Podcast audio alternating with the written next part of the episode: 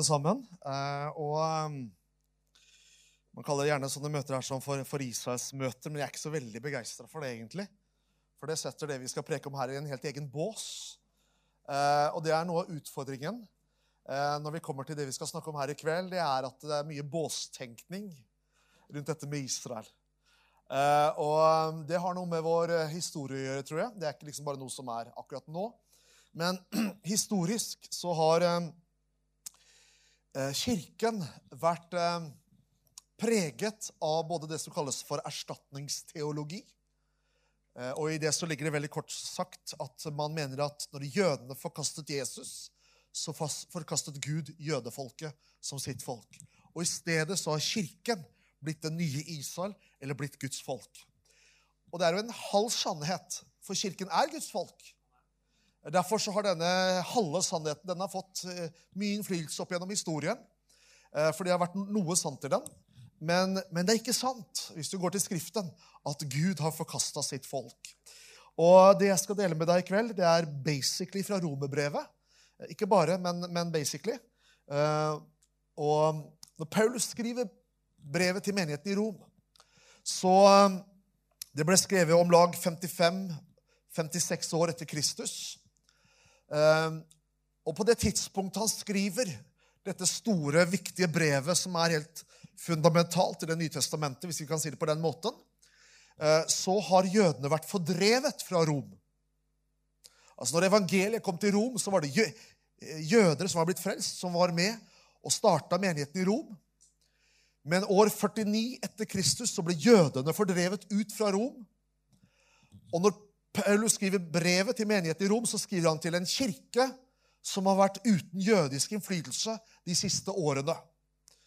Og han bruker flere kapitler til å undervise om Israel. Hovedsakelig Romerbrevet 9, 10 og 11, men du ser også oppbygningen.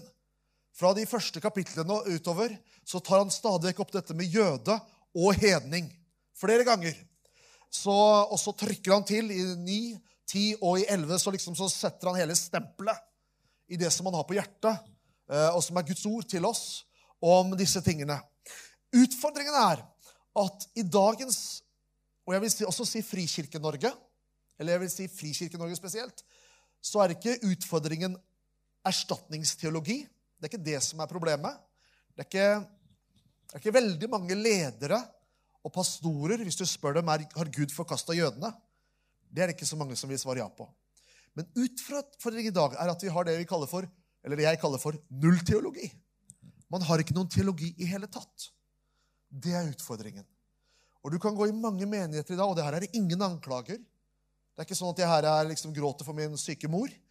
Men, men det er en beskrivelse av det jeg tror det er virkeligheten i dag. Du kan gå i mange menigheter i dag, gå et helt år igjennom, og aldri høre noe om Israel, verken på en gudstjeneste eller på et ungdomsmøte. Eh, jeg anklager ikke, men, men det er en utfordring. Fordi at når vi kommer til dette med Israel, så er det så utrolig mange andre sterke stemmer som har noe å si om dette folket og dette landet. Og hvis ikke vi som kristne bygger på Guds ord, ja, da bygger vi på sand. Også i møte med dette folket. Ok.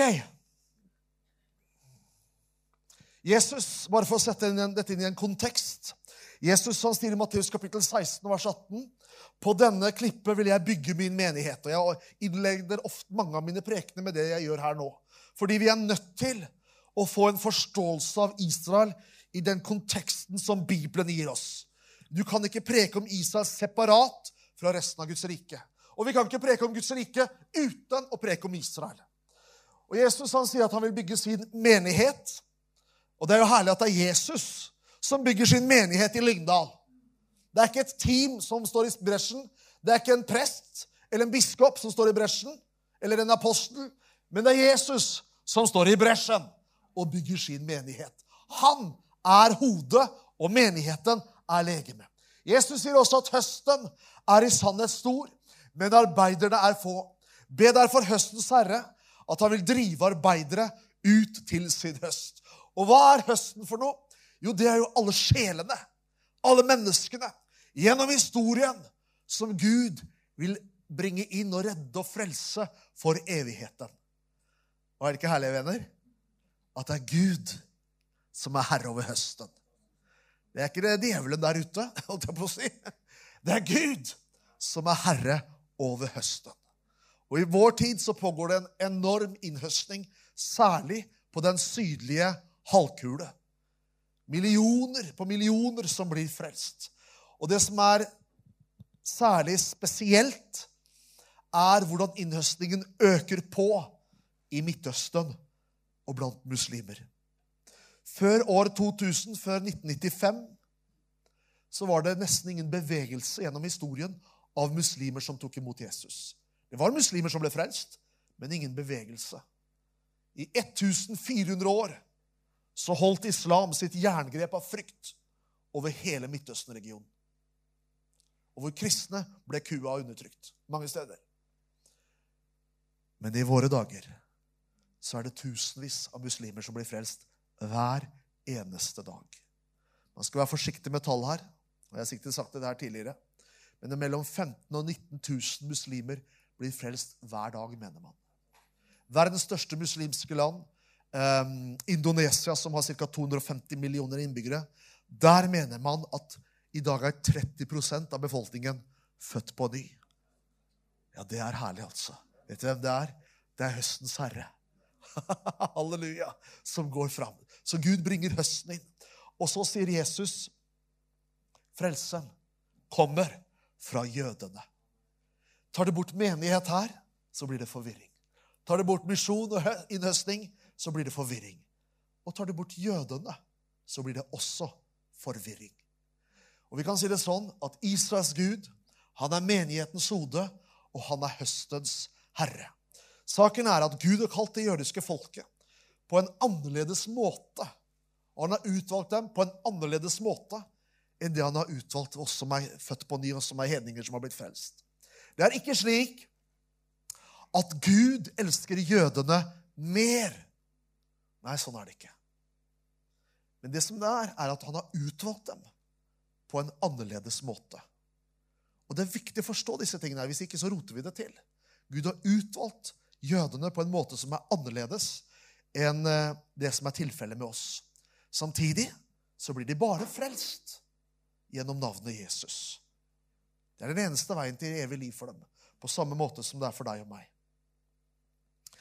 Paulus han sier Romerne 11,1. Han spør retorisk. Jeg spør da har Gud forkastet sitt folk. Men folkens, jeg må bare stoppe på her. Tenk at Paulus stiller det spørsmålet. Det var akkurat det Kirken kom til å forkynne i 2000 år. At Gud har forkastet folk. Og det spørsmålet han stiller til menigheten i Rom. Har Gud forkastet folk, sier han. Og så sier han på ingen måte. Og det er det sterkeste uttrykket du finner i Det nye testamentet. Det er noe Ala er du gæren, holdt jeg på å si. og så sier han jeg er også en israelitt, av Abrahams slekt og av Benjamins stamme. Gud har ikke, sier han, forkastet sitt folk. Så den debatten den burde jo vært jamma ned. Den burde vært satt der. Fordi Paulus er så entydig. Ja, men de forkastet jo Jesus. Ja, men det visste jo Paulus når han skriver brevet til menigheten i Rom. Og Han forklarer også utover i kapittelet hvorfor de gjorde det. Hva handler Israel om? Jo, kallet til dette folket fremfor alle andre kall, det er å være en velsignelse for menneskeheten. Og Jeg vet ikke om du er på Facebook. Um, og hvis du har noen Israelsvenner der, så vil du se at den deler nyheter om uh, Intel-prosessorer som er utvikla i Israel, og ny kreftbehandling som er utvikla i Israel, og alle disse tingene der. Jeg var oppe i Bodø, Vi hadde en konferanse der med åtte menigheter oppe i Bodø her i fjor høst. og Da kommer en bort til meg som forteller at han hadde vært på, på, på en avdeling på sykehuset i Bodø. Og Der var det en ny maskin en hjertemaskin, eller var det hjerne, holdt jeg på å si, hjertebehandling, eh, som var levert fra Israel. Og det hadde vært en israelsk eh, eh, doktor som hadde fulgt maskinen og instruert de ansatte i Bodø, av alle steder. Nei da, jeg sier ikke det. Sa, ikke ta, ta delete det der på opptaket. Men liksom, det bare illustrerer noe av hva som skjer i nasjonen. Det er innovasjon, det er utvikling på alle områder, mot alle odds. De bekjemper, bekjemper ørkenen, de bekjemper fattigdom i landet. De, på område, område så, så, har de nyvinninger som er en velsignelse for nasjonen i dag. Men Det er ikke det Gud egentlig snakker om når han sier at i deg skal alle slekter på jorden bli velsignet. Nei, han snakker om noe styr, mye større. Noe mye dypere og noe mye bredere. Paulus sier det sånn i Galaterne 3, 8. Og da Skriften forutså at der av tro Gud rettferdiggjør folkeslagene, forkynte den evangeliet for Abraham på forhånd. I deg skal alle folkeslag bli velsignet. Hva betyr det her, venner? Jo, det betyr at når Gud i 1. Mosebok 12,3 sier i deg skal alle slekter på jorden bli velsignet, så ligger evangeliet innvevd. Dette folkets kall, dette folkets tjeneste, henger sammen med din og min frelse. Frelsen kommer fra jødene. Hvis du ser på Israel ut fra politikk, så kan du gjerne gjøre det.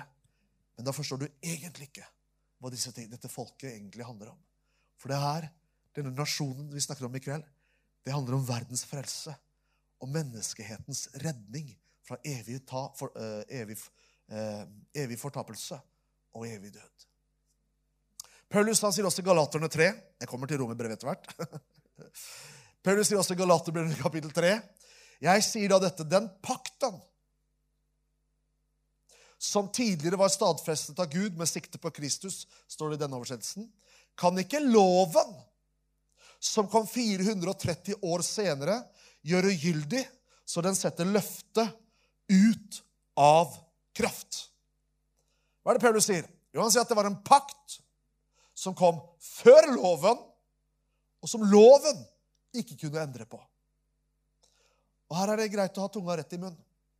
Fordi jeg har sett teologer som skriver her i Norge at jødene de ble utvalgt av Gud.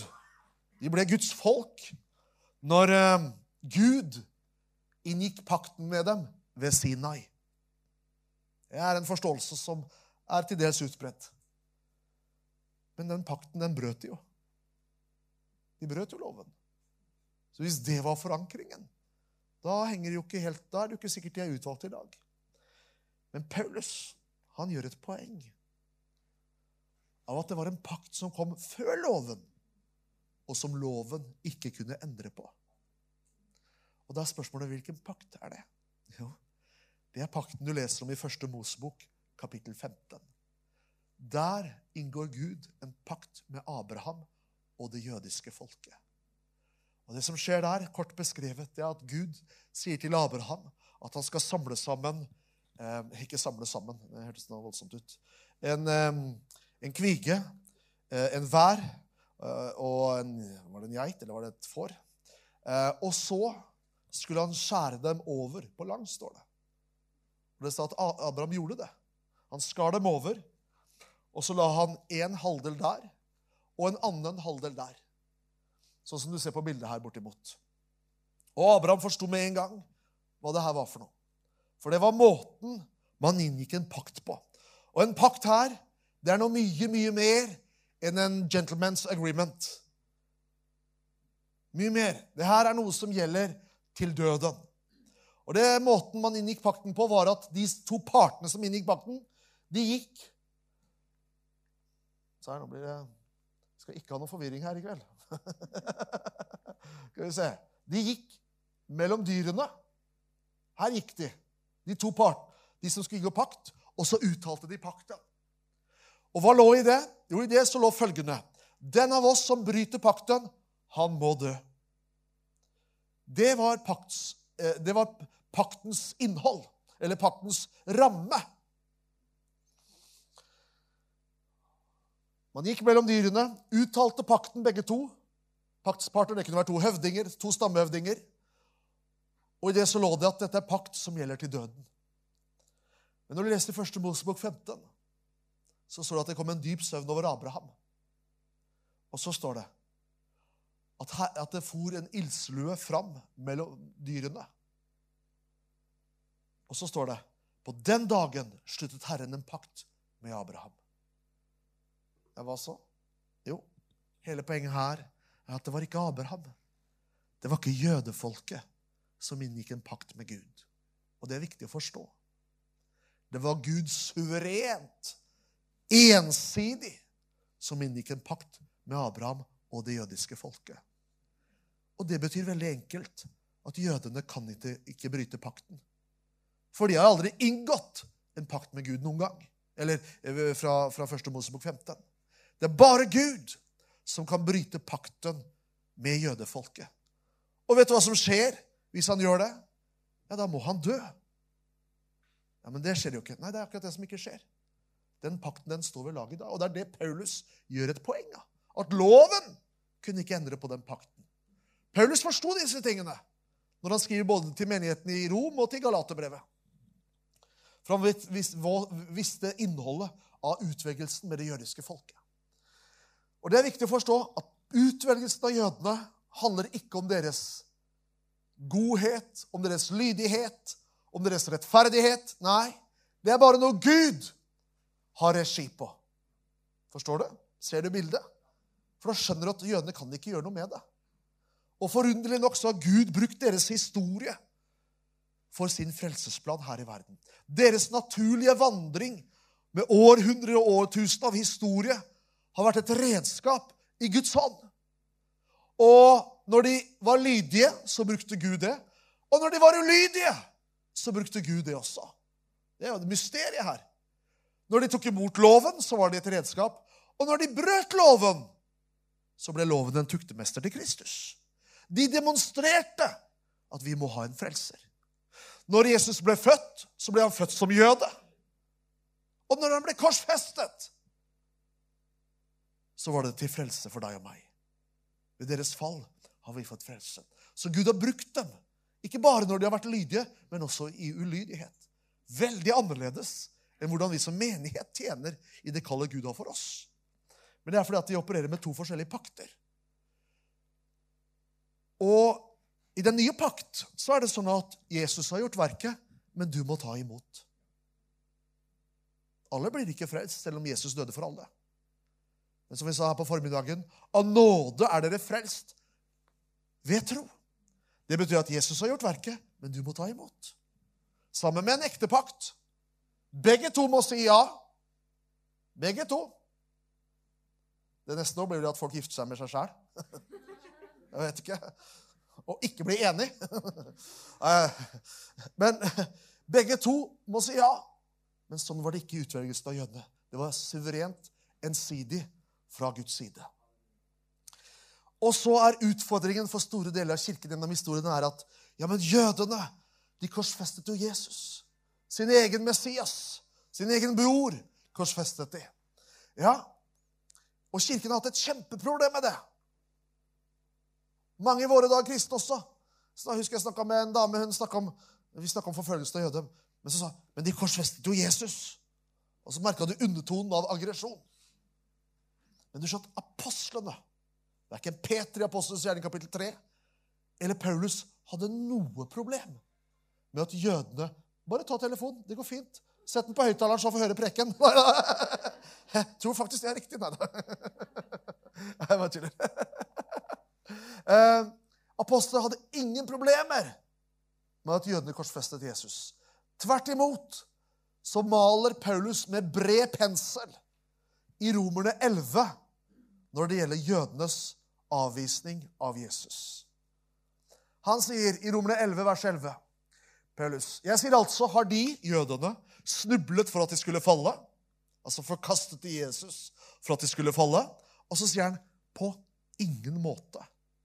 Og så legger han til men ved deres overtredelse er frelsen kommet til hedningefolkene. Tenk litt på det. Tenk på det at det var et helt folk som måtte si nei til Jesus for at du skulle bli frelst.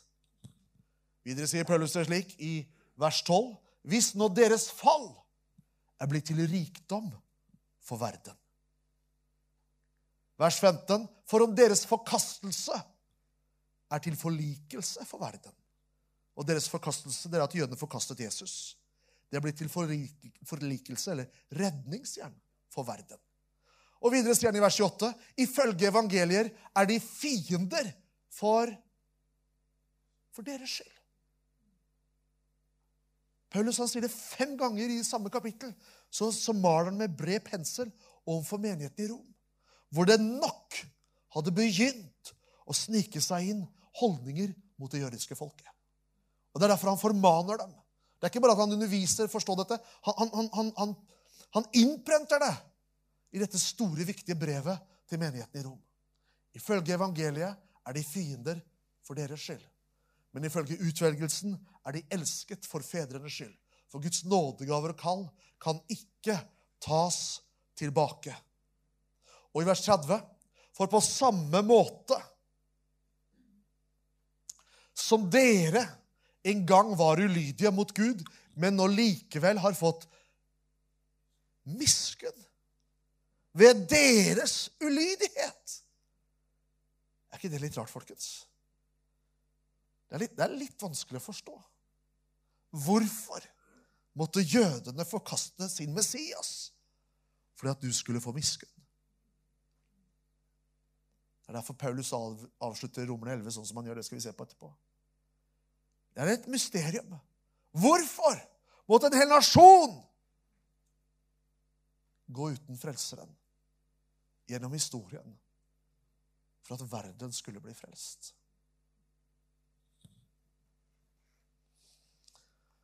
Samtidig så advarer Paulus menigheten i Rom. Han, han forklarer at de korsfestet Jesus for romernes skyld og for vår skyld. Og så leser vi sånn som det ble lest i innledningen her, i vers 17. Om noen av grenene ble brukket av, og du som var av et vilt oliventre, ble innpodet blant dem, og sammen med dem fikk del i roten og sevjen fra oliventreet, så ros deg ikke overfor grenene. Men dersom du roser deg, så husk at det er ikke du som bærer roten, men det er roten som bærer deg. Nå sier ikke Paulus eksplisitt her hva denne roten er, men personlig så tror jeg at det, det er pakten utvelgelsen av dette folket som er hele fundamentet for Guds frelsesverk her i verden. Vi vet jo at frelsen kommer fra himmelen. Frelsen kommer fra Jesus. Like fullt sier Jesus, frelseren kommer fra jødene. Og det betyr, kjære venn, at det finnes ingen kristne som ikke er berørt av dette folket. Det er faktisk dem som er årsaken til at du kan være på vei til himmelen i dag.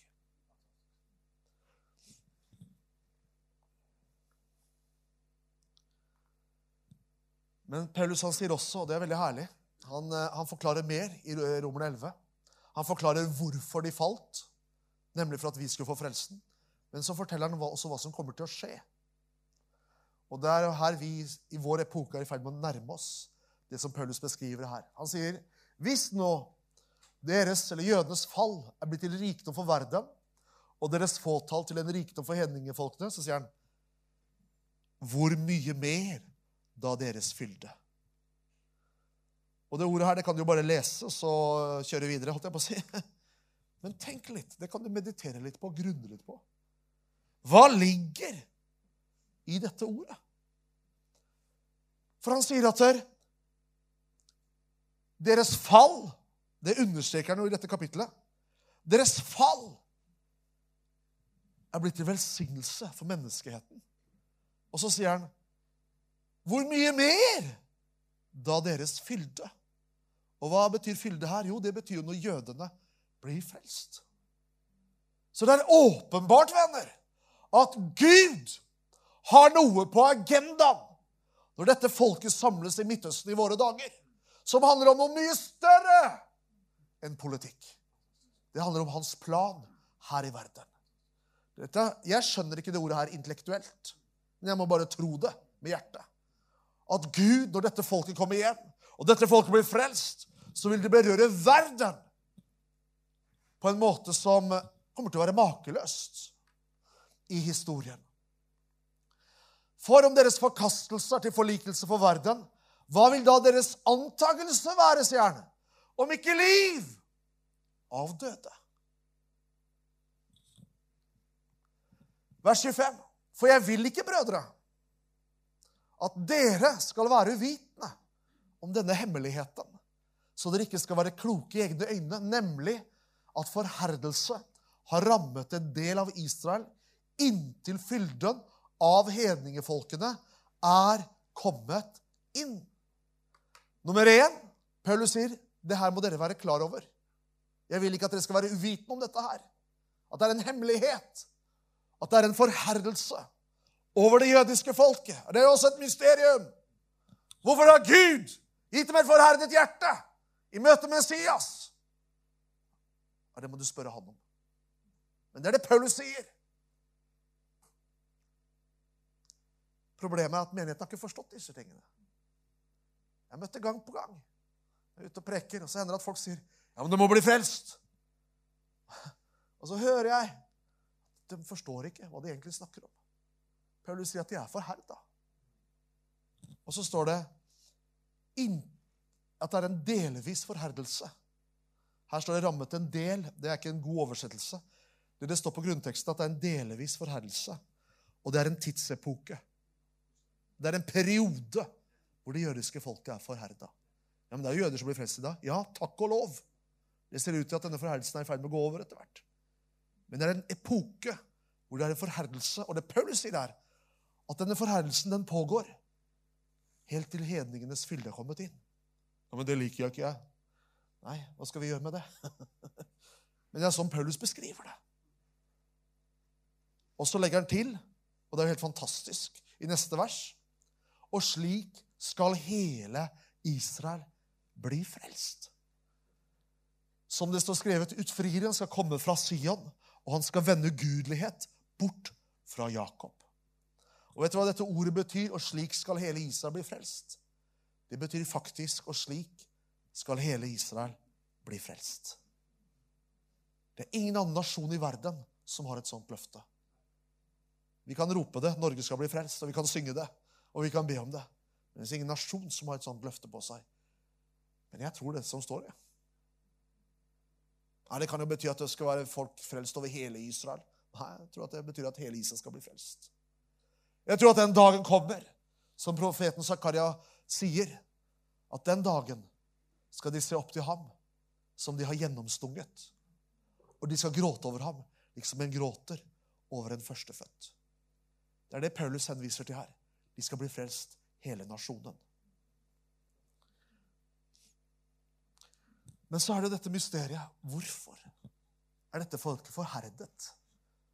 Og det framstår ikke som det er djevelen som forherder dem. Og så gir han seg når, nasjon, når nasjonen har kommet inn. Nei. Det er jo noen spørsmål her som menigheten må face. Vi har på en måte bare avvist dem. Og sagt de må bli frelst. Nei, det, det ikke, du kan ikke forholde deg til folket på den måten der. For det er egentlig helt annerledes. De forkasta Jesus for at vi skulle bli frelst. Og så er det en forherdelse over dem inntil hedningenes fylde har kommet inn. Så det at misjon har framgang i verden i dag, det er veldig herlig. Både for at hedningene skal bli frelst, men også for at Israel skal bli frelst. Det er jo forunderlig fra apostels gjerninger. Så har evangeliet gått fra Jerusalem og ut til jordens ender. Og det gjør det fortsatt. Så kommer vi til et punkt hvor hedningenes fylde har kommet inn. Og der skal ikke jeg si noe tall eller noe dato eller noe slike ting. Ingen spekulasjoner overhodet. Men det kommer til et punkt at så skal hele Israel bli frelst.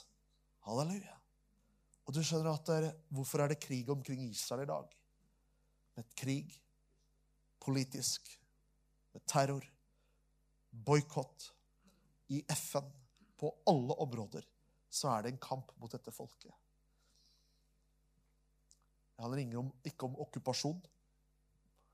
Det handler ikke om folkerett og internasjonal lov. Det Langt derifra. Men det handler om én ting. Gud er på ferde i Midtøsten i dag. Han henter dette folket tilbake igjen for å fullføre det han har begynt her i verden. Halleluja. Og Paulus han forklarer at dere skal ikke være uten kunnskap om disse tingene. Dere må forstå at dette folket kommer til å bli frelst der framme. Og du skjønner at dere, hvis vi som har møtt Jesus Eller la meg si det på denne måten Vi som har møtt Jesus, vi burde være en, et gjenskinn av han i møte med dette folket. Det er trist, men mange jøder ser på oss kristne som fiender. Oppriktig og genuint pga. vår historie i kirken. Og det er først i våre dager at det er kristne over hele verden som omfavner dette folket. Første gang i historien at mange kristne uttrykker kjærlighet og takknemlighet til det jødiske folket. Ikke pga. Intel-prosessoren i PC-en, men fordi man har fått del i frelsen fra himmelen.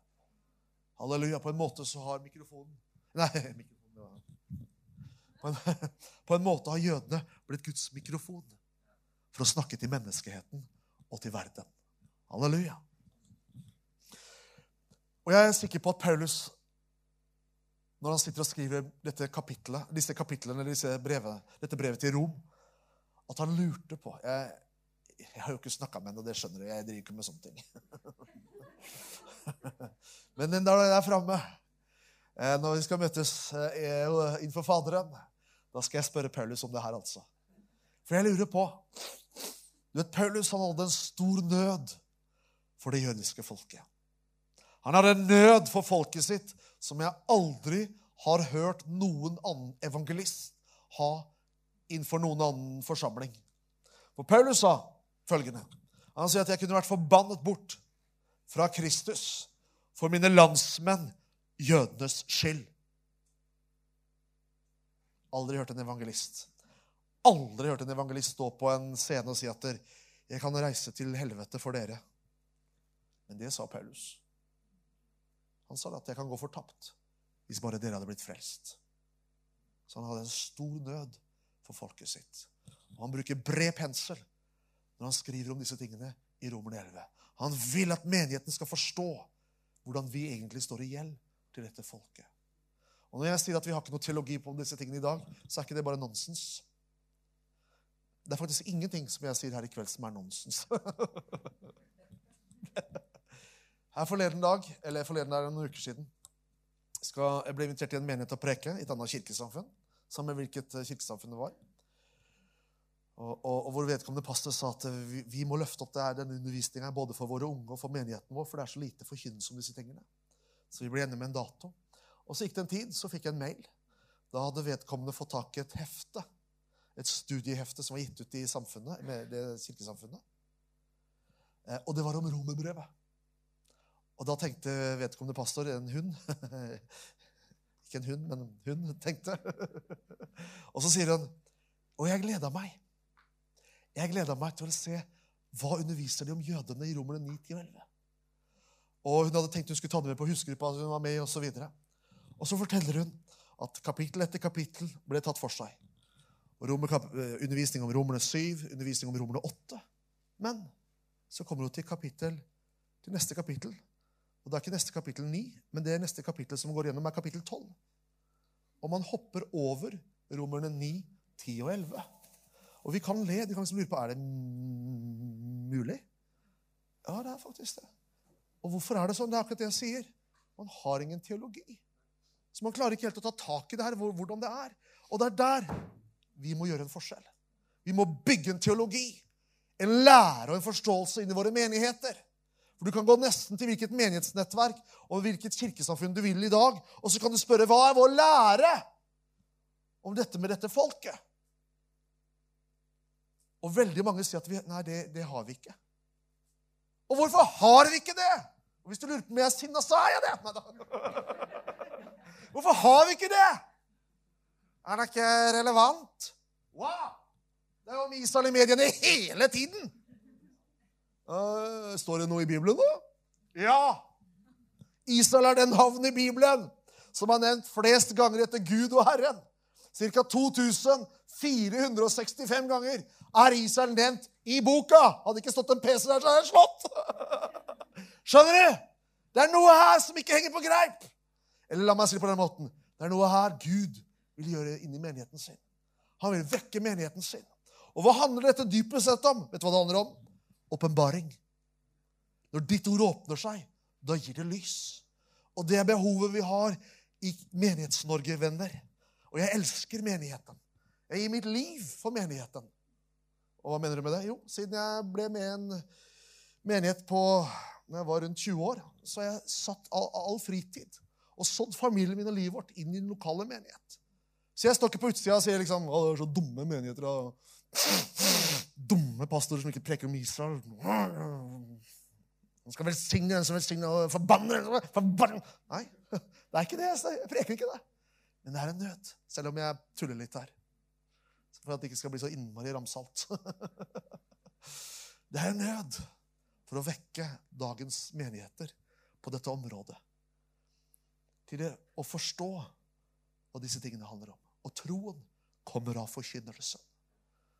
Og hvis ikke vi preker og underviser Og det her gjelder ikke bare tenåringer i, i, i vårt land. Eller Norge i dag. Eller i nasjonen. Nei, det her gjelder min generasjon av 50-åringer, 40-50-åringer og nedover.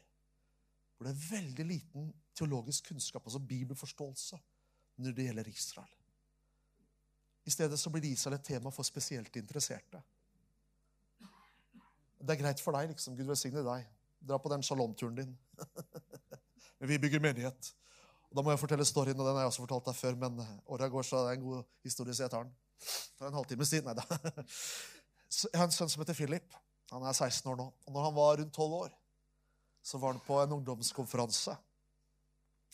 Og så um, traff han en ung mann der. Jeg er ikke sikker på om han var en ungdomsleder, men han var i 20-åra. Det var litt aldersforskjell, sånn jeg oppfatta det på sønnen min.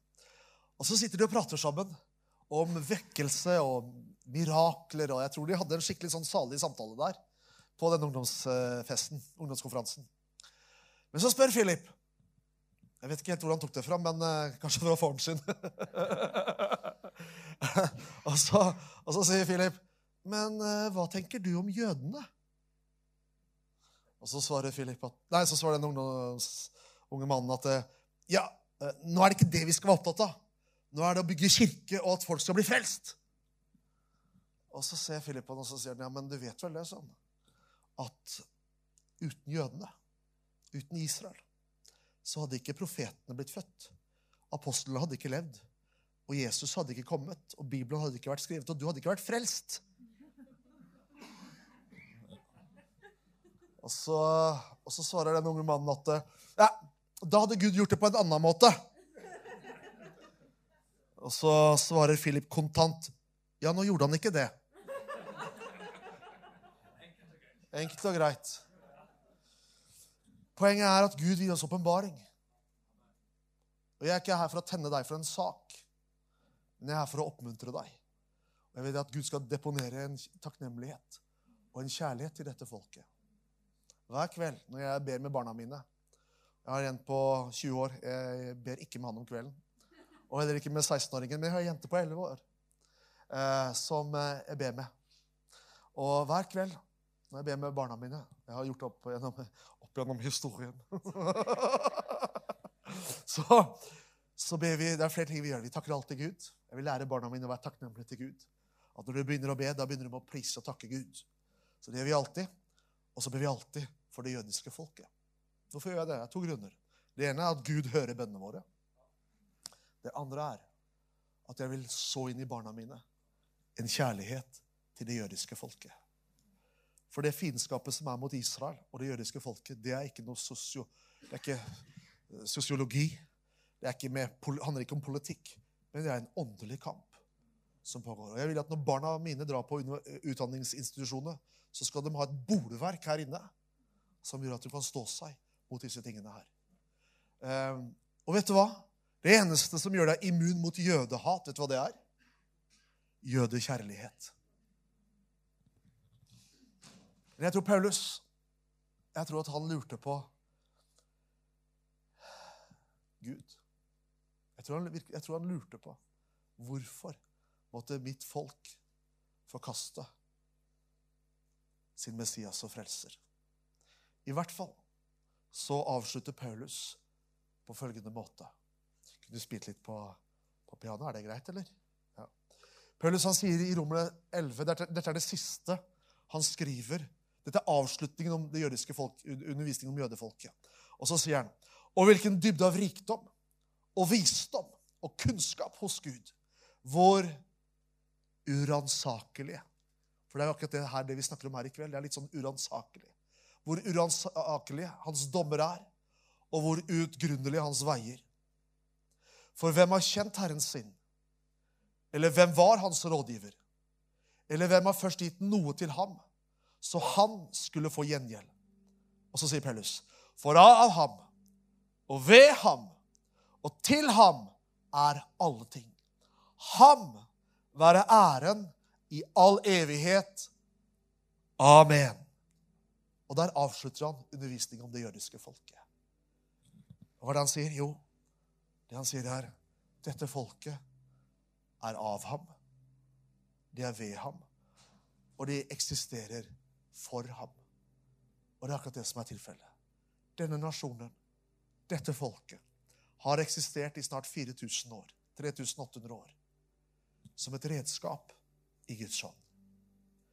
De har betalt en ufattelig pris. En ubeskrivelig pris. I hver eneste generasjon, i hvert eneste århundre, så har det blitt forsøkt, for, for, for forsøkt utslettet. Jødehat er ikke bare noe som handler om Hitler og nazistene. Det var et toppunkt. Men helt fra begynnelsen av så var det en ond farao som ville utslette dem. I hver generasjon så har det enten vært en Haman, en Goliat, en keiser Hadrian, en Ahmadiniyad, en Hitler, en Arafat, som vil ødelegge dette folket.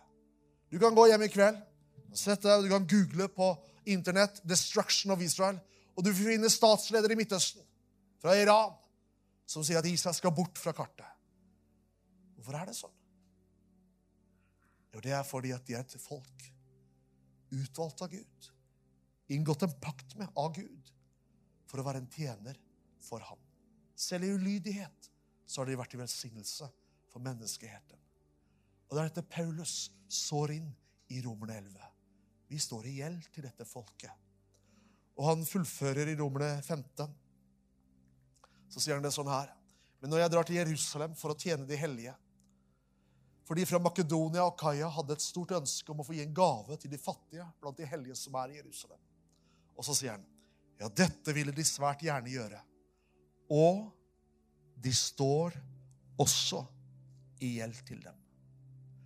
Og hvis menigheten i Makedonia Kaia sto i gjeld til jødene, så gjør du også det. Du står i gjeld til det jødiske folket. Og så legger han til, for dersom hedningefolkene har fått del i jødenes åndelige goder, da er det også jød, nei, hedningenes plikt å tjene jødene med de materielle goder. Så nummer én dere står i gjeld, for de har fått del i de åndelige godene. Og så legger han til dere plikter å tjene dem med de materielle. Hvor forsvant det hen inn i kirkesamfunnet i dag? Jeg vet ikke om det fins noe kirkesamfunn i Norge som sier at vi står i gjeld til det jødiske folket. Derfor så sender vi så og så mye for å velsigne dem. Kan hende det fins, men jeg har aldri hørt om det. Men Paulus sier vi står i gjeld. Og når jeg sier det her, at dette ikke skjer så mye i Norge i dag, det er ingen anklager. Det er ikke irritasjon. Nå er det ikke det. Nei, det er en nød for å vekke menigheten i våre dager. Til å erkjenne og til å forstå at dette folket er utvalgt av Gud. Han er ikke ferdig med dem. Men han bringer dem hjem i våre dager for å være et redskap. Jeg skal avslutte med et annet perspektiv. Og Det kan hende du er enig eller du er uenig. Men, eh, men jeg deler det likevel. Jeg tror ikke Jeg tror ikke at i den epoken vi er i nå, i nådens tidshusholdning, i jubelåret, at Gud dømmer nasjonene for hvordan de behandler Israel. Og jeg vet at Her er det ulike ting, ulike meninger, men jeg vil bare si det. Jeg tror ikke Gud dømmer nasjonene. Det er noen som snakker at Gud dømmer Norge pga. Oslo-avtalen osv. Jeg tror ikke det. Jeg tror ikke det skjer i tidshusholdningen. Kan hende jeg tar feil, men jeg tror ikke det skjer. Hadde det vært slik, så hadde ikke Tyskland eksistert mer. Det hadde vært historie. Men eh, Paulus, nei, Jesus han står fram i synagogen i Nasaret. Og så står det, og det her er ved begynnelsen av hans tjeneste Han er 30 år. Og så står det at eh, bokrullen blir gitt ham. Og han begynner å lese fra profeten Jesaja, kapittel 61. Og det her er jo på en måte hans, hans partiprogram, for å bruke et sånt uttrykk. Og hva leser han? Han begynner å lese, og sier han, Herren, Guds ånd, er over meg, sier han. For Herren har salvet meg til å forkynne evangeliet for fattige. Han har sendt meg for å forbinde dem som har et sønderbrutt hjerte, for å rope ut frihet for fanger, for å sette de bundne fri, for å rope ut et nådens år fra Herren. Og så lukker han boka. Han leser ikke verset ferdig. Han leser ikke setningen ferdig. Han lukker boka der. Hva var det han sa? Rop ut frihet for fanger for å sette de bundne fri, og rope ut et nådens år fra Herren. Punktum. Det står spesifikt at der lukket han rullen og la den bort. For vet du hva som står etterpå? Rop ut et nådens år fra Herren og en hevnens dag fra vår Gud, står det. For å trøste alle som sørger. Hvem som sørger? Jo, det står nede i det neste vers. De sørgende i Sion skal få hodepynt i stedet for aske. Gledens olje i stedet for sorg. Lovprisningens drakt i stedet for avmaktsånd. Her står det at Gud, han som kommer med nådens år, eller frihetens år, han kommer også med en hevnens dag fra vår Gud. For å trøste de sørgende. Hvor da? Jo, de sørgende i Sion. Det jødiske folket. Og du skjønner det, kjære venn, det var ikke Jesus, det var ikke Jesus sitt mandat når han kom for 2000 år siden. Men når han kommer tilbake igjen, så står det at han skal dømme. Og jeg tror at det kommer en dag da Gud kommer til å dømme nasjonene fra hvordan de har behandlet dette folket. Jeg tror ikke det skjer i våre dager. Kanskje jeg tar feil, men jeg tror ikke det. Men det kommer en dag, og profeten sier også er det Joel det står, at da skal han hevne Judas blod. Det som han aldri har hevnet tidligere, står det. Og I Joel kapittel 3, vers 67 så står det For se, i de dager, på den tid da jeg vender lagnaden for Juda og Jerusalem, da skal jeg føre alle folkeslag ned i Josjafats dal. Der skal jeg holde dom og rettegang med dem fordi de delte mitt land, og de spredte mitt folk. Så Bibelen er helt klar. Det kommer en dag da Gud skal dømme nasjonene ut ifra hvordan de har behandlet dette folket. I Matteus Det er det siste jeg skal lese her. Matteus kapittel 25, så står det i vers 31. Og jeg skal være ærlig med deg. Det er sider ved det som står her, som jeg ikke forstår. Det skal jeg være ærlig. Men eh, jeg skal løfte noe fram her. Når menneskesønnen kommer i sin herlighet og alle de hellige englene med ham. Da skal han sitte på sin herlighetstrone. Det er Jesus som forkynner det her. Og alle folkeslagene skal bli samlet framfor ham. Og han skal skille dem fra hverandre, slik som en gjeter skiller sauene fra geitene. Så skal kongen si til dem ved sin høyre side, Kom, dere som er velsignet av min far. Arv det rike som er gjort ferdig for dere fra verdens grunnvoll ble lagt. For jeg var sulten, og det ga meg mat. Jeg var tørst, og dere ga meg drikke. Jeg var en fremmed, og dere tok imot meg. Jeg var naken, og dere kledde meg. Jeg var syk, og dere besøkte meg. Jeg var i fengsel, og dere kom til meg. Da skal de rettferdige svare ham og si, Herre, når så vi deg sulten og mettet deg, eller tørst og ga deg drikke?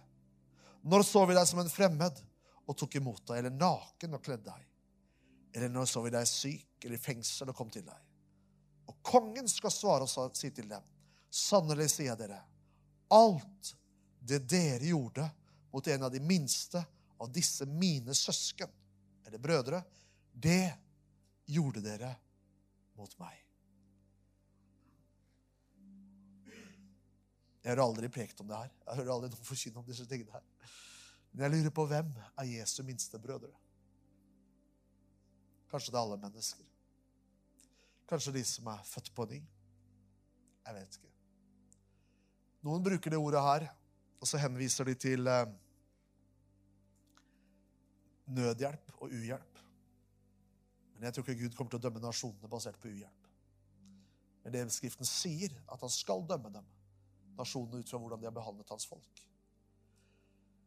Og uten å slå noe bombastisk fast, for det gjør jeg ikke, men jeg deler det med deg, så tror jeg faktisk at Jesu minste brødre Det er han du ser på veggen her. Han tror jeg er en av Jesu minste brødre. De har blitt tråkket på. De har blitt hatet. De har blitt spyttet på. De har blitt forsøkt utslettet gjennom hele historien. Og jeg tror det kommer en dag da Gud kommer til å dømme nasjonene, hedningefolkene, ut fra hvordan de har behandlet dette folket. En hevnens dag for å trøste de sørgende i Sion. Ok, ok, så la oss be for vår nasjon. La oss be som folk at vi skal være en som velsigner dette folket. Jødehatet er på full frammarsj i våre dager. Antisemittismen møter du i norske skolegårder med uttrykk som 'din jøde'. Fins i norske skolegårder, i hele landet i dag. Og vet du hva? Gud forby. Gud forby at vi som kirke og menighet er tause tilskuere i denne tiden. Gud hjelpe oss så at vi står på Guds ord, at vi står på muren sammen med dette folket. Ikke mot arabere, for Gud elsker alle mennesker. Ikke mot andre mennesker, andre grupper, nei.